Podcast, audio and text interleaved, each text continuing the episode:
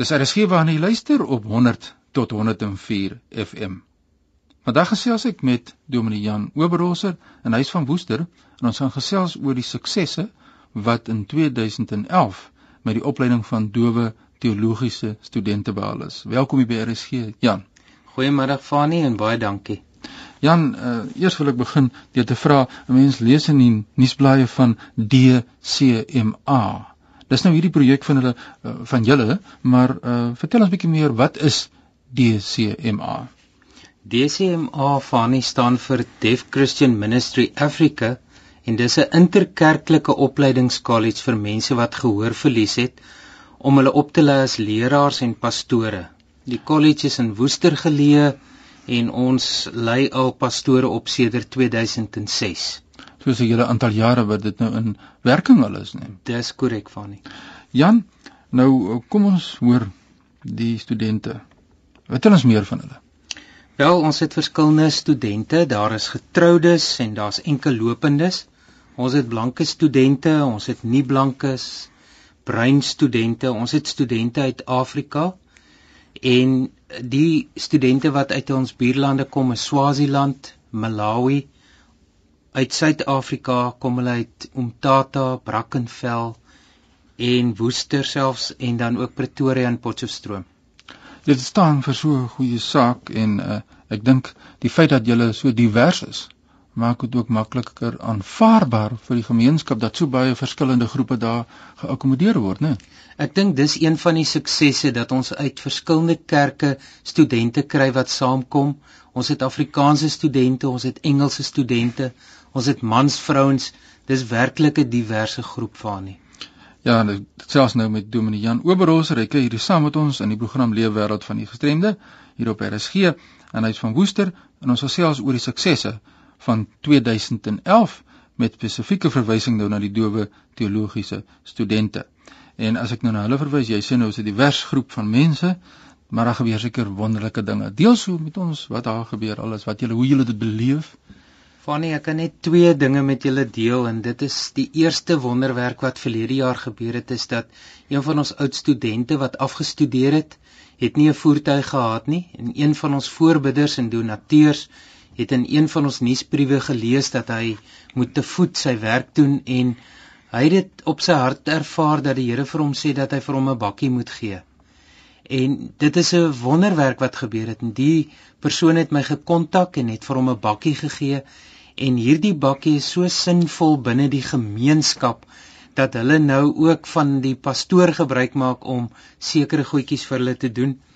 Die ander wonderwerk is dat een van ons studente se vroue was swanger en op hierdie stadium wat sy nou amper moet geboorte gee, was hy op pad Swaziland toe.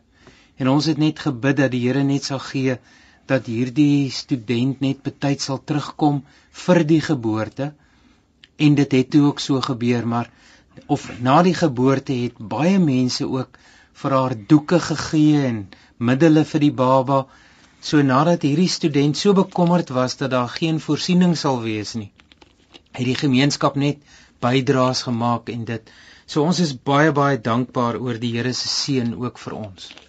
Jan uh, jy is betrokke by die dowe gemeenskap al 'n aantal jare. Ek dink ons het mekaar leer ken. In Pretoria Jy het daarvan af gekom na Woester toe, né? Nee? Dis korrek, Fanie. Ons ken mekaar al sedert 1999. Ja, en uh, jy was predikant in Pretoria. Waar was dit gewees? Dit was in Pretoria, Pretoria Dowes, waar ons ook vir die dowes ehm um, bedien het in Pretoria. Ja, nou is jy hier in Woester en ons gesels met jou oor DCMA en uh, die suksesse wat jy gehad het in 2011. En daarbey kan ek sê daar is verlede jaar 'n graad diploma as ek dit so kan stel aan 'n student toegeken. Nou vertel ons meer, is dit korrekte term? Dis heeltemal korrek. Uh Veritas College Internasionaal het gesê dat indien 'n student 'n module of wat by gaan doen, omdat sy projek so suksesvol en so op hoë standaard was, sou hy 'n module bywerk, sal hulle vir hom 'n graaddiploma gee. En dis die eerste keer dat 'n nagraadse teologiese diploma in Suid-Afrika toegeken is aan 'n dowe student. En dis vir ons iets waaroor ons baie dankbaar is. Die Here het vir ons wonderlik geseën. Daar bestaan baie keer die indruk dat omdat mense doof is of gehoorverlies ervaar dat hulle ook dom is. Hierdie studente het dit juis verkeerd bewys. Rensie Aghenbach het sy graaddiploma verlede jaar verwerf nadat hy baie uitdagings gehad het, maar hy het skouer aan die wiel gesit en hy het dit deurgedrink en hy die graad behaal. So ons is baie opgewonde daaroor. Ja, jy moet 'n pen en papier bydrand hou want aan die einde van die gesprek gaan ek Jan se kontakbesonderhede deurgee indien jy dalk betrokke wil raak by hierdie wonderlike inisiatief.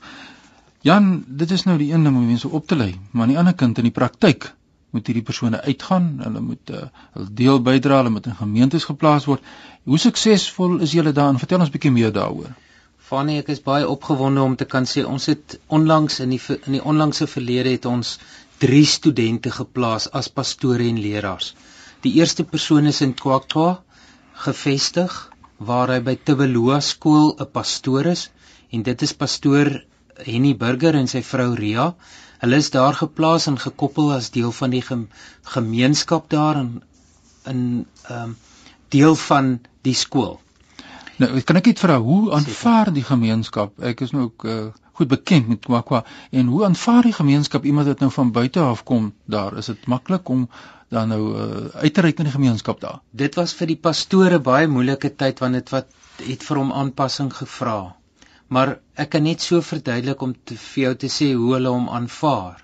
Aan die einde van verlede jaar, dit is nou 2011, het hulle vir hom 'n groot geskenk gegee en hy wou dit teruggee. En hy het met die hoof van die skool gaan praat daaroor en sê, "Maar sê vir my, uh, hierdie hierdie geskenk is te groot." toe die hoof gesê maar jy moet dit aanvaar want dit is 'n blyk van waardering. Ja. En so om jou vraag te antwoord, hulle het hom so waardeer dat hy daar is. Die volgende pastoor kan ek net vir jou sê wat geplaas is is in Oos-London, Fani. Dit is in King Williamstown waar pastoor Pumi Jemani wat ook doof is, doofgebore is en sy vrou is ook doof en sy drie kinders is almal doof. Hy's ook daar geplaas En ons laaste persoon wat ons geplaas het is Jaco van Wyk. Hy is in Kempton Park geplaas en waar hy as leraar dominee van die NG Kerk Effata vir dowes optree in Kempton Park tans. En die uitdagings wat hulle dan nou het met nuwe plasings vanaf julle college is dit groot vir hierdie jaar as mense nou dink dan is daar mense wat daar's mense wat luister en mense wat nou wonder dan die behoefte in ons omgewing waar ook al in Suid-Afrika vir die plasing van so 'n uh, persoon wat nou klaar gekwalifiseer is nie wat sê vir ons daaroor? Goed my antwoord is dit is 'n groot uitdaging. Ons van die DCMA college gaan uit na hierdie persone wat geplaas word om hulle net te ondersteun. Ja Tweedens ja, daar is 'n groot behoefte in die land vir die plasing van nog studente.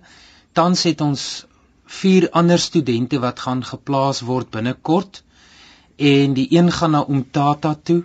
So sou die luisteraars weet van 'n plek wat geplaas moet word, kontak die naaste gemeenskap vir dowes en hoor by hulle of hulle nie wil iemand stuur wat opgelei kan word nie.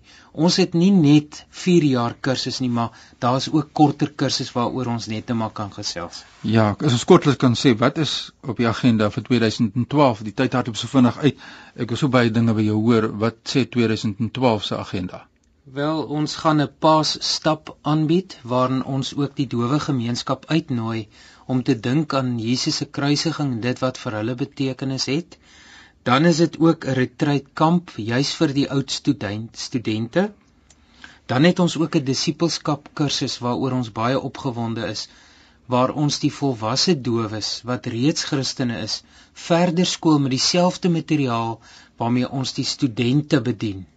Net in 'n korter fase waar die volwasse dowes kan kom vir byvoorbeeld 4 dae in 'n jaar of per week 4 keer 'n jaar kan hulle kom vir hierdie opleiding wat ons vir die studente gee maar toegepas op die volwassenes. Dan is daar ook twee disippelskap kursusse en hierdie disippelskap kursusse word op Saterdag aangebied vir die vir die volwasse dowes wat in die gemeente staan. So vanie ons is werklik baie opgewonde daaroor. Ja, in in perspektief gestel, daar's 'n groot behoefte om bediening in die dowe gemeenskap dan dit plek te laat kry en plaas te laat vind en dit is hierdie gaping wat julle toemaak om moedertaal, eerste taal, gebaretaal uit te reik aan hierdie gemeenskappe wat dit so nodig het. Ons het nog so 'n minuut oor Jan, ehm die dowe ekumeniese forum wat daar ter sprake is. Ek sê vir ons gou kortliks wat is dit? Die dowe ekumeniese forum is 'n forum waar al die geestelike leiers wat tans in die bediening staan, saamkom. Maar dit is van alle kerke, alle kerkgenootskappe van die Rooms-Katolieke Kerk, Gereformeerd, Pinkster, Charismatiese, al die groepe kom bymekaar en dan leer ons bymekaar wat werk, wat werk nie. So hierdie vergadering vind dan plaas DV in Augustus maand van 2012 en dan kom ons bymekaar en dan hoor ons bymekaar wat werk en wat werk nie. Nou ja, dit is so insiggewend en so 'n wonderlike saak waarmee jy besig is en as mense belang sou stel, waar kry jy hulle in die hande? Fanny, hulle kan vir my kontak by die telefoonnommer 023 342 5555. Herhaal ons daai nommer? 023 342 5555. Nou ja, dit is die kontakbesonderhede van Dominee Jan Oberholzer, hy is betrokke by die opleiding van dowe teologiese studente daarvan Woester en Jan baie dankie dat jy na ons toe gekom het en met ons gesels het en die seën op hierdie projek. Baie dankie Fani. Indien jy enige navrae of voorstelle het in hierdie program, stuur sommer nou 'n e-pos aan my by fani.dt by mweb.co.za. En onthou hierdie program word Saterdaande in Deernag herhaal. Groetnisse uit Kaapstad.